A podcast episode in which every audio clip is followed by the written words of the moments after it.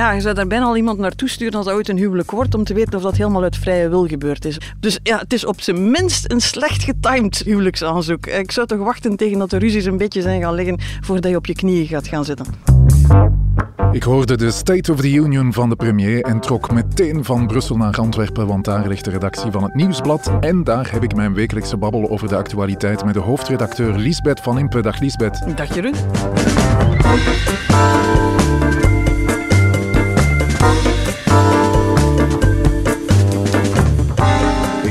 Dit is de Actua-podcast van het Nieuwsblad. Het punt van Van Impe.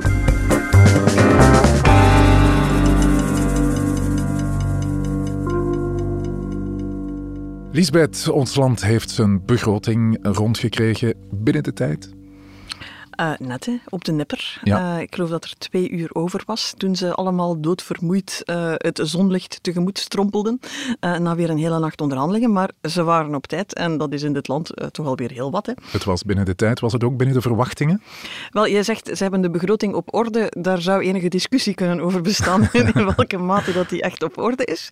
Um, niet binnen de verwachtingen die soms door de regering zelf gewekt worden. Ik denk dat het redelijk binnen de verwachtingen lag van wat uh, de waarnemers verwachten, zijn er niet bijster veel. Ja, maar niet echt uh, binnen de ambities dus eigenlijk. Hè. Hannes Hendricks, de chef politiek van het Nieuwsblad, mag me ook vertellen wat hij ervan vindt. Dag Hannes. Hey, dag Jeroen. Ben jij verrast door de resultaten na een nacht onderhandelen? Nee, eigenlijk helemaal niet. Ik denk dat er niet zo heel veel in het begrotingsakkoord zit en al zeker niet dingen die we niet verwacht hadden. Integendeel, die zijn zelfs uh, van tafel gehaald op het allerlaatste moment. Laten we het er zo meteen over hebben. Jullie weten natuurlijk alles van wat er gebeurt in de wedstrijd. Er was uh, wel wat te doen om een nieuwe flirt in de wedstrijd. Daar wordt wil ik een ook voetje, alles... voetje vrij gedaan in de wedstrijd, Ja. uh, Jeroen. En daar gaan wij het dus ook over hebben. Ja, verklap nog niet uh, tussen wie en wie, maar wordt het iets, denk je? Het is een driehoeksverhouding, uh, Jeroen. Het, uh, het, gaat nooit goed komen. Dat is ook voor zometeen. Een goede evolutie in deze podcast is dat ik de Belgische wijn niet uh, meer zelf hoef mee te brengen, maar dat hij ons spontaan wordt opgestuurd. Dit is een Gloire de Duras uit het zuiden van de provincie Limburg. Een Pinot Gris gezondheid. Aflevering 62 van het punt van Van Impe. Here we go. Ja, we hebben dus beslist om het basispakket alvast drie maanden te verlengen. Uh, de eerste drie maanden van volgend jaar. En we hebben ook steun aan bedrijven voorzien. Toch een aanzienlijk pakket voor de bedrijven. En dat zal allemaal gefinancierd worden. Minister Petra de Sutter over de maatregelen die de federale regering neemt bij het begin van het politieke jaar. De partijen van de meerderheid bereikten een akkoord over de begroting. Elke partij kon eigenlijk een beetje scoren. Moet ik het zo zien, Lisbeth? Hmm, ja, iedere partij heeft in ieder geval zijn pancartes voor de sociale media klaarstaan, waar de ministers vol zelfvertrouwen de toekomst tegemoet wandelen. Een aktentas onder de arm met alle beslissingen die ze binnengehaald hebben. Ja. Dat is intussen een ritueel dat we kennen. Kijk eens wat wij binnengehaald hebben. Kijk eens wat wij tegengehouden hebben ook. Dat is dan deel 2 van de oefening. Dus ja, iedereen heeft wel een aantal dingen waar hij kan mee uitpakken. Maar ja, als je echt een akkoord zou maken, maar we gaan daar straks dieper op in. Hè? Ja. Als je een echt een akkoord zou maken waarbij iedereen grote toegevingen doet om grote dingen binnen te halen, dan, dan krijg je toch nog wel iets heel anders. Je krijgt meer het mantra nu voor de mensen en voor de bedrijven in de crisis. Dat is eigenlijk wat deze regering de hele tijd aan het zeggen is. We zijn bezig met de economie en de bedrijven, we zijn bezig met de mensen. Het is crisis, mensen. Het is al heel wat dat we jullie allemaal helpen. Ja, zoals gewoonlijk uh, gingen ze de nacht in en kwamen ze er uh, tegen de ochtend uit. Hoe uh, verliepen de onderhandelingen eigenlijk, Hannes? Wel, ze verliepen beter dan vorig jaar, alleszins. maar dat is ook niet echt moeilijk eigenlijk. Herinner je, vorig jaar is Het is zelfs... een beetje weg bij mij. Hoe is Ja. het vorig jaar gegaan? Uh, minister Wilmes is uh, op een gegeven moment God, zelfs ja. weggereden. Uh. De truc met het weglopen, ja. Ja, inderdaad. Ja, die was spoorloos en dan, dan, dan was er een akkoord en geen akkoord en ze hadden er nog te wachten. En ja, inderdaad, het was, het was heel proper dit jaar, Jeroen. Het is fantastisch gelopen. Ja, wat dat betreft dus wel. Er is wel wat geroepen tegen elkaar. Uh, ze hebben ja, heel de nacht door moeten onderhandelen. Lisbeth zei het al, het was echt op het laatste nippertje, dat de Croo zijn beleidsverklaring kon gaan voorlezen. Maar al bij al toch redelijk gemoedelijk. Ik heb iets gelezen bij ons over pittige tomatensoep om vier uur die een aantal mensen wakker gehouden heeft. Ja, ja, maar dat is natuurlijk ook niet onlogisch dat ze wakker gehouden moeten worden. Ik, ik kan het mijzelf niet heel goed voorstellen wat het moet zijn om twee dagen aan een stuk eh, te onderhandelen. Oeh, jij bent gaan slapen, Hannes. Ik heb uh, toch een paar uur geslapen. We hebben een live op de site hè, om alles op de voet te volgen. Hè. Ja, laten we de maatregelen eens uh, overlopen, of toch de meest in het oog springende maatregelen. Zo worden de overwinsten van de energiebedrijven, Lisbeth, die worden aangepakt. Dus die extra inkomsten die worden serieus belast. Hè? Ja, 3 miljard willen ze daar gaan halen. Ongeveer, ja. Ongeveer. Uh, daar begint het al voor een stuk. Ik denk dat we er vanmorgen al over bezig waren. Je hebt altijd zo de voorstelling van de maatregelen en dan gaan wij in tweede orde gaan kijken van ja, maar hoe gebetoneerd is dat? Hoe zeker zijn ze dat dat geld gaat binnenkomen? Dus bij veel maatregelen, en dit is er zeker ook één, moet je daar een grote maar zetten. Oké, okay, Europees is er een soort van consensus gegroeid dat dat gaat gebeuren. Daar is een kader voor gemaakt. België beslist om eigenlijk nog wat verder te gaan. We zitten tegelijk in een zeer lastige onderhandeling met Engie over kerncentrales. Dat loopt natuurlijk elkaar allemaal voor de voeten, want het is onder andere bij Engie dat we geld willen gaan halen. Dus dat moet wel allemaal nog concreet waargemaakt worden. Het geld moet nog binnengehaald worden. Dat is zo typisch iets waar dan experts heel diep bij staan te fronsen van ja, maar ja, dat gaat toch zomaar niet. Ja. Frank van den Broeke zei al, ja, dat zijn natuurlijk bedrijven met veel cash, met veel geld, die kunnen meer dan één advocaat inschakelen. Dus het is soort dingen waar je denkt van ja, 3 miljard, dat is een klepper, dat is veel geld. Als je dat kan binnenhalen, mm, maar je moet het wel nog doen natuurlijk. En dat geldt voor wel meer dingen in de begroting. Hannes, stel het uh, levert inderdaad 3 miljard op. Wat wordt er dan uh, gedaan met dat geld? Wel, de bedoeling is eigenlijk dat dat geld wordt gebruikt om uh, terug te laten vloeien naar de gezinnen en de bedrijven die afzien door de crisis. Dat is dus ongeveer het mantra nu van de regering. De gezinnen, de bedrijven, crisis. ja. De gezinnen, de bedrijven, crisis. Daar gaan we nog veel horen. Ja, dus anderhalf miljard van die 3 miljard uh, wordt eigenlijk gebruikt om de energiepremie um, van 200 ja. euro die wij zouden krijgen in november, december, om die eigenlijk te verlengen tot het einde uh, van de winter. Ja. Dat is een hele belangrijke maatregel, los van ja, onder meer de btw-verlaging op energie die doorgetrokken wordt, die ook geld kost uiteraard. Ja, dat is dus uh, voor de gezinnen. Dan zijn er de bedrijven, die gaan door de indexering van de lonen een pak meer geld moeten uitgeven. Hoe gaan ze dat uh, aanpakken? Ja, ik denk dat alle bedrijven daar vandaag mee bezig zijn. Zeker degenen die de lonen in één klap met meer dan 10% gaan moeten aanpassen uh, op 1 januari. Die pijn wordt een beetje verzacht. Op die hogere lonen moeten ook meer werkgevers bijdragen, aan de staat betaald worden. Nu zegt de staat, voor de eerste zes maanden schelden we die kwijt. De tweede zes maanden van 2023 kan je uitstel van betaling krijgen, noem maar op. Dat is een miljard euro. Iemand heeft mij ooit verteld, als je naar een begroting kijkt en je wil weten waar is er echt geschoven, dat begint te tellen vanaf een miljard. Voor ons gewone stervelingen is 10 miljoen en 100 miljoen en 200 miljoen veel geld. In ja. een begroting zijn dat cijfers naar de komma. De keer dan een maatregel over een miljard gaat, weet je van oké, okay, dit is uh, iets serieus. De bedrijven gaan dit wel voelen, maar natuurlijk, ja, de schok van die indexering met, met meer dan 10 procent, ja, die gaan ze nog altijd voor een groot stuk zelf moeten opvangen natuurlijk. Ja, Hannes, ik heb ook begrepen dat ik snel nog op zoek moet naar een tweede woning, want het fiscaal voordeel op die uh, tweede woning, de woonbonus noemen ze dat eigenlijk, uh, die wordt afgeschaft. Ja, inderdaad. Die bestond eigenlijk op, op Vlaams niveau voor de eerste woning ook, maar die is dan afgeschaft door de Vlaamse regering. De woonbonus voor de tweede woning, de derde woning, vierde woning en ik weet niet wie er vijf woningen heeft, maar er zullen wel mensen zijn die dat, uh, die dat hebben. Die bestond wel nog op federaal niveau. En nu wordt die ook afgeschaft vanaf 2024. Dat is belangrijk, want dat was echt wel een topic tijdens de onderhandelingen. Tot het allerlaatste moment heeft de regeringspartij MR moeilijk gedaan uh, daarover. Het eerste voorstel van de Kro was om die woonbonus af te schaffen ja. vanaf 2023, maar nu is het dus 2024 geworden. Dus als we op deze discussie die fameuze 1 miljard regel toepassen, het is serieus als het over een miljard gaat. Dit gaat over 12 miljoen euro. Dat is hoe je weet dat het over een symbool gaat. Ja. Dat is de inzet van de liberalen die zeggen van de tweede, de derde, de vierde woning, ook dat moeten wij ondersteunen, want dat zijn toch ook niet allemaal rijke mensen. Je weet nu één ding zeker, het gaat in, het, het, het voordeel vervalt vanaf 24 voor nieuwe contracten, dus je kan twee dingen zeker weten. Eén, er gaan waarschijnlijk volgend jaar veel tweede, derde en vierde woningen gekocht worden. Die, die, die markt zal weer mooi kunnen oververhitten als de toestand het toelaat. En twee, Georges-Louis Boucher heeft dus nog meer dan een jaar om te blijven tweeten dat hij er alles aan zal doen om dat hier nog tegen te houden. En hij is begonnen ongeveer terwijl dat de Kro aan het speechen was. Om te zeggen van, boah, wij blijven deze ja. strijd voeren. Ik heb mijn Waterloo op deze 12 miljoen nog niet beleefd. Lisbeth, ik moet ook iets bekennen. Er was bij deze maatregelen ook een woord waar ik niks van begreep, eerlijk gezegd. Het woord perequatie. Dat moet Jeroen, je toch eens uitleggen. Jeroen, we gaan nu niet doen alsof dat we hier op voorhand nooit spreken over waar we het gaan hebben. En ik zag jou al heel diep zuchten toen wij zeiden, we gaan het toch ook eens over de perequatie willen hebben. Dus Hannes en ik zijn met één doelstelling naar deze podcast gekomen. We gaan dat verdomde woord in de podcast krijgen.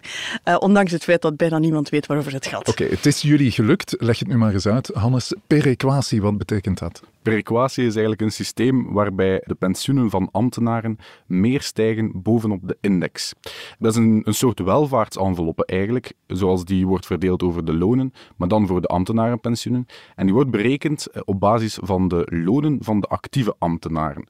Dus als de lonen van bijvoorbeeld de Vlaamse leerkrachten stijgen, dan stijgen de pensioenen van de Vlaamse ex-leerkrachten ook mee. Ja. Dat is niet onbelangrijk trouwens dat ik uh, Vlaamse leerkrachten aanhaal, want dat was de essentie van de discussie uh, dit weekend. Inderdaad. Dat is dus een vraag die ik dus aan sollicitanten uh, stel. soms, als ik ze zo eens echt wil zien panikeren, weet jij wat perequatie is? Zo echt een wedstrijdjargon. Dus dat is de reden dat Hannes dus nu chef politiek is, dat hij dat dus kan uitleggen. Dat bestaat dus niet voor andere pensioenen. Andere pensioenen gaan regelmatig, daar zijn onderhandelingen om die aan de welvaart aan te passen, om die geleidelijk aan op te trekken, noem maar op. Maar dat is niet gegarandeerd. Hier is het een automatische koppeling van de niet-actieven, de gepensioneerden, aan de loonevolutie van degenen die op dit moment aan het werk zijn. Dat is natuurlijk een heel ja, regime dat zeer voordelig is voor die ambtenarenpensioenen, die al behoorlijk royaal zijn. En dus wat Alexander de Croo had voorgesteld, was een perequatiesprong. Voor één keer die koppeling overslaan. Dat zou vooral de Vlaamse leerkrachten zuur opgebroken hebben. Want ja, nee, sorry, niet de Vlaamse leerkrachten, die hebben een opslag gekregen, maar de gepensioneerden eh, die daaraan gekoppeld zijn. En gek genoeg is het dus de PS die daar in de bres is gesprongen. Je weet, deze regering hangt dan aan, aan een van een aantal heilige huisjes. Blijkbaar is de perequatie dus even heilig als de indexkoppeling. En de PS zegt van nee, we raken daar gewoon niet aan. Non, jamais, never. Oké, als we nu eens alles uh, overschouwen, Lisbeth, al die maatregelen die zijn genomen, kunnen we dan een punt maken? Het is een begroting. Dus ze was op tijd. Het is een begroting waar je, we gaan daar straks dieper op ingaan, die in crisistijden gemaakt wordt, waar je dus ook een stukje realisme moet in hebben. Maar je ziet, het moet een stuk geven en nemen zijn tussen zeven partijen. Er is een beetje geven en nemen geweest, maar toch alleen met relatief kleine trofeeën. De grotere die op tafel hebben gelegen, zijn er heel rap terug afgehaald. En dus zit je met iets wat je met veel goede wil het hoogst haalbare kan noemen, maar ja, dan ben je toch geen voluntarist. Dan kan je niet zeggen dat je heel grote bakens verzet hebt. Maar goed, ze waren op tijd en ze gaan altijd kunnen zeggen dat dat hen gelukt is. En de Vlaamse regering dat die twee dagen te laat waren. Het eerste punt van Van Impe, deze begroting helpt mensen, maar er worden geen echte keuzes gemaakt. Dat is het. Het punt van Van Impe.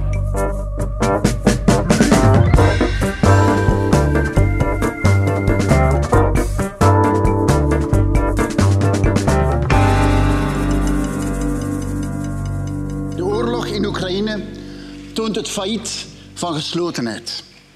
Van gesloten nationalisme gebouwd op zuiverheid en uitsluiting. Dat verdeelt in plaats van dat het verbindt. Dat mensen wegzet en vermoordt, louter om wie ze zijn en omwille van welke taal dat ze spreken. Sterke, weerbare en onafhankelijke burgers. Dat is de echte kracht van ons land. Een land van sterke, weerbare en onafhankelijke burgers, ook in moeilijke tijden. Ik dank u. Je stukjes uit de speech van de eerste minister in de Kamer, de regeerverklaring van Alexander de Croo. Wat vond je van zijn speech, Lisbeth? Um, hmm, moeilijke vraag. De Croo heeft weinig moeite om zo zijn premierstem te vinden. Hè. Dan moet je zo'n beetje vinden op zo'n State of the Union de staatsman, eh, de man die het geopolitieke slagveld wereldwijd overschouwt ja. en daar voor de brave Belgische burger de nodige lessen uittrekt de Krook kan dat. Ik bedoel, hij staat daar, zelfs als hij niet geslapen heeft, met een zeker zelfvertrouwen. En het ging heel veel over oorlog en, uh, wat wij allemaal van eh, Poetin moeten vinden, alsof dat we dat al niet allemaal al vonden. Ja, dat is een genre op zich. Als premier moet je dat kunnen doen. Je moet dat met geloofwaardigheid brengen. En de Krook kan dat wel. Ja, want crisis viel wel heel vaak in zijn speech. Deze regering doet aan crisisbeheer eigenlijk. Hè. Eerst was er de coronacrisis. We gaan het nog eens doen, hè? voor de mensen, voor de bedrijven, want het is crisis. En uh, nu is er de oorlog natuurlijk. Hè. Maakt dat echte hervormingen eigenlijk onmogelijk, uh, Hannes, het feit dat we met die crisis zitten? Wel, je hebt enerzijds het aspect van dat natuurlijk tijd en middelen vraagt om die crisissen aan te pakken. Je zit met corona, waarbij ook bedrijven ondersteund moesten worden, ook dat kostte miljarden. Je zit nu terug uh, met die energiecrisis, terug miljarden om te spenderen eigenlijk aan, aan uh, gezinnen, aan, aan bedrijven. Maar anderzijds moeten er inderdaad hervormingen gebeuren in ons land. Ik denk dat iedereen het daarover eens is. Ook de Kro weet dat trouwens. Hè. Anders schrijf je dan niet in je regeerakkoord dat er een pensioenhervorming moet komen, dat er een hervorming van de arbeidsmarkt moet komen. Pas op, er is gezegd dat dit eens de coronacrisis bezworen was, dat dit een hervormingsregering zou worden. Dat was zeer ambitieus, om te zeggen, ja. we gaan eerst een crisisregering zijn en dan gaan we een hervormingsregering uh, worden ja, intussen tikt de tijd verder. En een van de dingen die als premier tijdens de State of the Union trouwens moet kunnen, is zo'n paar retorische vragen stellen. Maar luid genoeg dat als de oppositie begint te antwoorden, en dus het antwoord geeft dat je niet wil horen, in dit geval was het, wat hadden we dan moeten doen? Of wat hadden we dan moeten doen? En dus de N-VA was bijna collectief zo, hervormen, hervormen. En ik hoor die kritiek op de begrotingsinpak. Ik deel die bezorgdheid van velen. Maar dan blijft mijn vraag, wat hadden we dan moeten doen? Hadden we onze bedrijven over kop moeten laten gaan? Hadden we zelfstandigen een uitkering moeten weigeren? Hadden we onze middenklasse misschien in de kou moeten laten staan? Hadden we moeten zeggen, trek uw plan en we zien u wel later? Als premier moet je dan zo rechtdoor spreken, de borstkas een beetje opzwellen en doen of dat je niks gehoord hebt. Dus je voelt wel, daar zit de Achilleshiel. En ook, ja, als je de commentaren vandaag leest, is het overal dat. Hè. Ze hadden beloofd dat het een hervormingsregering zou worden. Ja. Dit was toch op zijn minst een van de laatste ja, kansen maar waar voor... ligt dat nu aan, uh, Lisbeth? Heeft dat te maken met de figuur van De Croo? Heeft dat te maken omdat we in zo'n uh, moeilijk land zitten? Heeft dat te maken met de zeven partijen die aan tafel zitten? Wat is de uitleg? Je zou hopen dat het zo makkelijk zou zijn. Hè? Als je zou kunnen zeggen, verkeerde premier, verkeerde coalitie, verkeerde land, verkeerde tijd, noem maar op. Je ziet dat het niet zo simpel is. De vorige federale regering, minder partijen, ideologisch coherenter, is er ook niet toegekomen. Vlaamse regering, simpeler, drie ja. partijen samen die een, een, een volledig uitgeschreven regeerakkoord hebben, daar lukt het ook niet. Dus ik kan me zelfs voorstellen dat niet alleen bij de politiek, maar zelfs ook bij het legertje waarnemers waar wij dan toe behoren, die zo na zo'n speech dan direct zeggen, ja, de grote hervormingen zitten er toch niet in, dat ook daar mensen intussen een beetje beginnen bij te zuchten van, allee, daar zijn ze weer. Hoor. Ja. Echt hervormen? Is natuurlijk verschrikkelijk moeilijk. Ja. Dan moet je dus dingen gaan doen waar mensen tegen zijn. Je hebt daar tijd voor nodig in de hoop dat ze na een tijd dan doorhebben dat de optelsom van alles uiteindelijk goed uitdraait. Maar hervormen kan je niet zonder dat mensen een beetje gaan stijgen, zonder dat je allerlei belangengroepen krijgt die op hun achterste poten gaan staan. Je kan zelfs zeggen dat deze regering in een opeenvolging van coronacrisis en Rusland-energiecrisis misschien het meest reden heeft, meest met recht en reden kan zeggen van ja, het is wel heel moeilijk voor de moment. Moeten wij nu nog aan mensen extra inspanningen gaan vragen? Moeten we extra onzekerheid gaan genereren? Maar natuurlijk is de slotsom wel dat er straks weer vier jaar gaan voorbij zijn ja. waar het er niet van gekomen is. En de vier jaar ervoor, de vijf jaar, vier, vijf jaar ervoor ook niet. Ja. En daarvoor ook niet. En dus dan blijf je de dingen voor je uitschuiven, terwijl je weet van een, een echt treffelijke hervorming, een keer dat je zover bent, heb je nog een hele tijd nodig om die te implementeren ook. Ja. Dus ja, geraak je er dan ooit nog? Ja, maar een fiscale hervorming bijvoorbeeld, Hannes, die zou er wel nog komen, hè? Wel, dat is besproken tijdens de begrotingsonderhandelingen. Uh, nu, Vincent van Petegem heeft terug een, een soort taxshift op tafel gelegd, of een taxcut. Het is nog niet echt duidelijk in welke richting hij helemaal uh, uit wil. En die zou in december terug op tafel komen. En eigenlijk is dat ongeveer uh, de laatste kans voor de Kro om toch met een grote hervorming de geschiedenisboeken in te gaan en naar de verkiezingen te gaan. Want Lisbeth, ik volg je wel dat je zegt, ja, de waarnemers... Uh, dat zijn wij, hè? ik weet, ja, en, ben me daar heel hard van bewust. Hè? En inderdaad zeggen altijd dat er geen hervormingen zijn, maar het is natuurlijk wel zo, de Kro wou zelf die hervormingsregering zijn. En hij, hij heeft ook al die hervormingen zelf geagendeerd.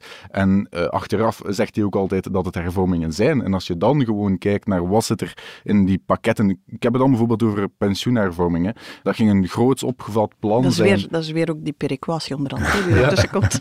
Die, die het ging doen aan de betaalbaarheid van de pensioenen. En als je dan ziet wat daar maar uitkomt, en je hoort dan experten die zeggen, ja, dit doet niets aan de betaalbaarheid, ja, dan is dat gewoon geen Ja. echte Bij pensioenhervorming. die heel grote hervormingen, je kan dat over de fiscale hervorming zeggen, je kan over de pensioenhervorming zeggen. Ehm, het is waarschijnlijk te ambitieus om te denken dat daar ooit zo plots een hele nieuwe blauwdruk gaat liggen van een heel nieuw fiscaal systeem of een heel nieuw pensioensysteem. Allee, dan, dan schiet iedereen in paniek. Dan gaat iedereen zeggen van ja, maar ik wil wel eens uitrekenen wat dat voor mij gaat betekenen. Maar als je ziet dat zelfs de tussenstappen, zoals nu uiteindelijk de bescheiden stap om die perequatiesprong op tafel te zetten in ruil voor een aantal fiscale hervormingen die dan voor de liberalen moeilijk zijn, dat uiteindelijk de enige oplossing is, en je gaat graag horen Jeroen, want het is een term uit het voetbal, dat er gewoon catenaccio gespeeld wordt. Ja. Jij krijgt uwe niet, ik krijg mijne niet. Uiteindelijk is dat wat er laat in de nacht gebeurd is. Hè. De PS die zegt van die echt blok gaat liggen voor die perequatiesprong. Egelstelling, zeg maar. Hè? Ja, loopgraven ver van elkaar, elkaar bestoken. En wat doet de Kroo? Hij pakt de grote nota. Hij zegt, oké, dat was een trofee voor de liberalen. Dan gaan de trofees voor de, de socialisten er ook terug uit. En hij komt terug en er is gewoon geschrapt. Hè. Totdat je op punt zit dat het niemand meer echt zeer doet. En iedereen zegt van, oké, goed, dan zullen we dit min of meer gaan verdedigen. Lisbeth, wat zou je van dit punt eh, zeggen? Premier De Croo is een goed crisismanager, maar geen hervormer. Dus dan moet ik eerst al weten of hij dus een goed crisismanager is geweest. Ik kijk nu even naar mijn hulplijn Hannes, wat hij ervan vindt. Ik denk, zowel tijdens corona als nu met de oorlog in Oekraïne, heeft hij wel het maximale gedaan, denk ik, binnen deze constellatie. Ja, je zit er altijd mee. We kwamen uit meer dan een jaar regeringsonderhandelingen. De constellatie met de zeven partijen die in midden van de coronacrisis erin gevallen is. We hebben altijd gezegd dat het is redelijk gegaan. Je kan daar nog van alles over zeggen, maar goed, dat op dat moment roeien met de riemen dat je hebt.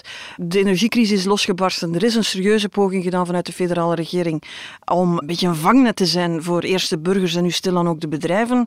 Je weet wat ik daarvan vind, allemaal niet selectief genoeg. We smijten toch wel met veel geld waarvan je niet zeker bent dat het veel oplost. Maar goed, crisismanagement gaat hem in ieder geval beter af. Als ik het heb, de stem van de premier, de premier die op het spreekgestoelte kan staan en, en probeert een stuk vertrouwen te inspireren. Het gaat hem allemaal relatief goed af. Ja, hervormer, er zijn nog een aantal kansen om nog een paar stenen in de rivier te verleggen, maar ik denk dat daar het bilan ongeveer af is. Het gaat er deze legislatuur met deze premier en deze coalitie niet meer van komen. Het punt van Van Impe.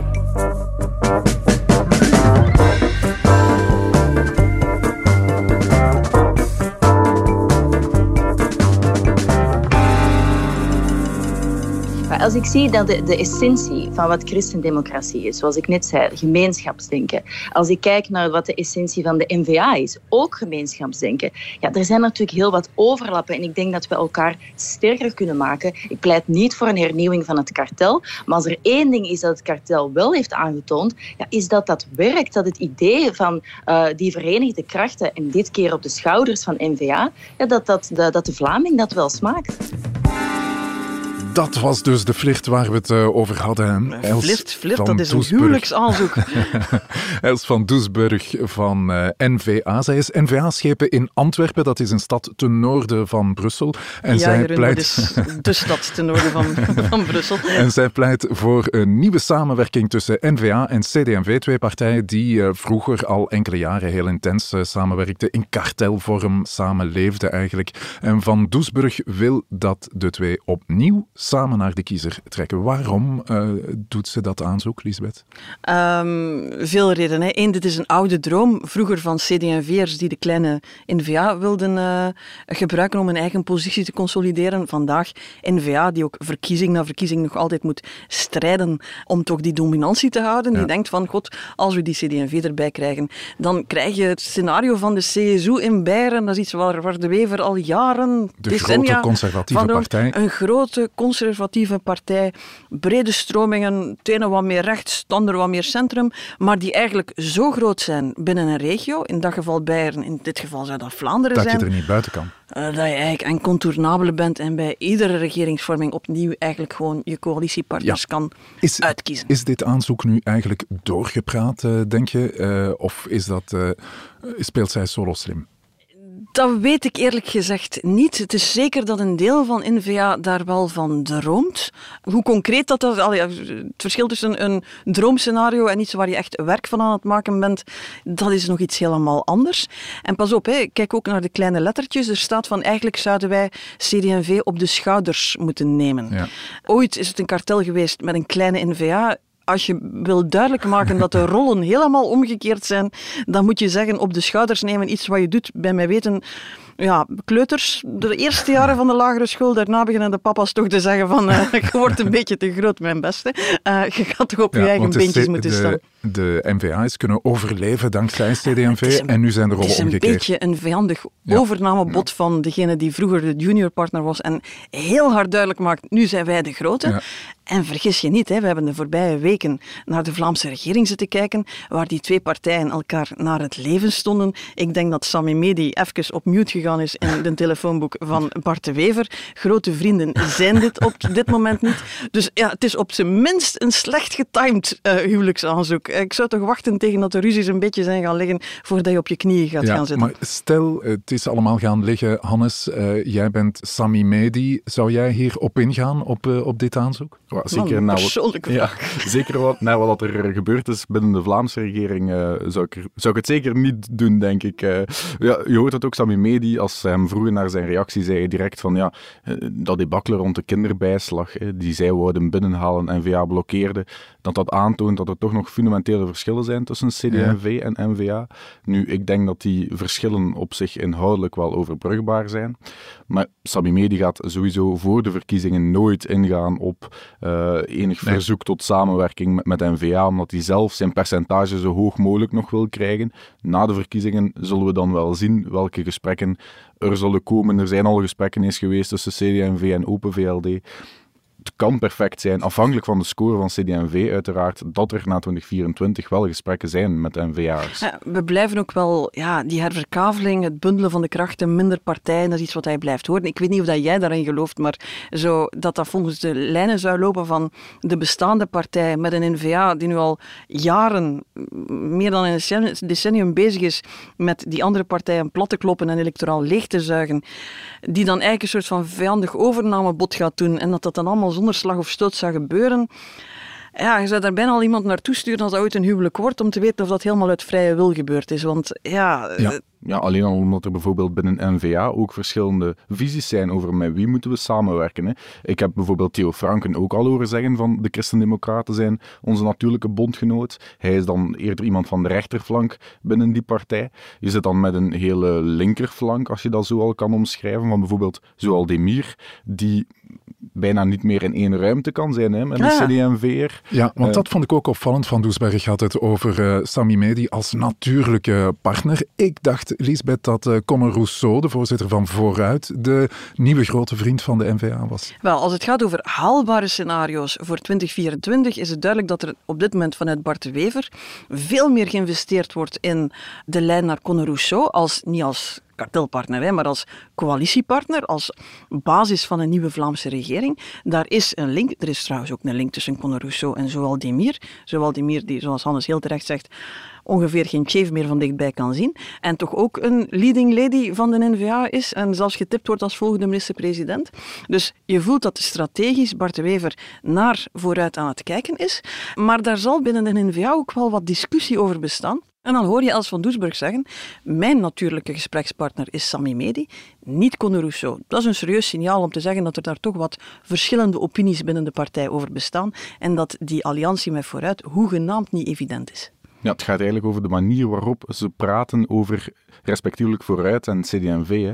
Vooruit is eigenlijk in de ogen van NVA een te duchte tegenstander die na de verkiezingen een coalitiepartner kan worden, waarmee we zij dan kunnen gaan praten over ja, welke departementen verdelen we. Uh, er is al gesproken hoor, tussen uh, Rousseau en NVA over ja, misschien moeten jullie welzijn doen of onderwijs doen. Dus dat zijn twee gelijkwaardige bijna partners. Ja. Ook de poort naar de PS natuurlijk. Als je ooit een staatservaring wil doen voor NVA, ja. dan moet je een partner aan de overkant hebben. Vooruit kan misschien de PS meebrengen. Dus dat is allemaal heel strategisch. Ja. Er is heel weinig liefde aan verloren.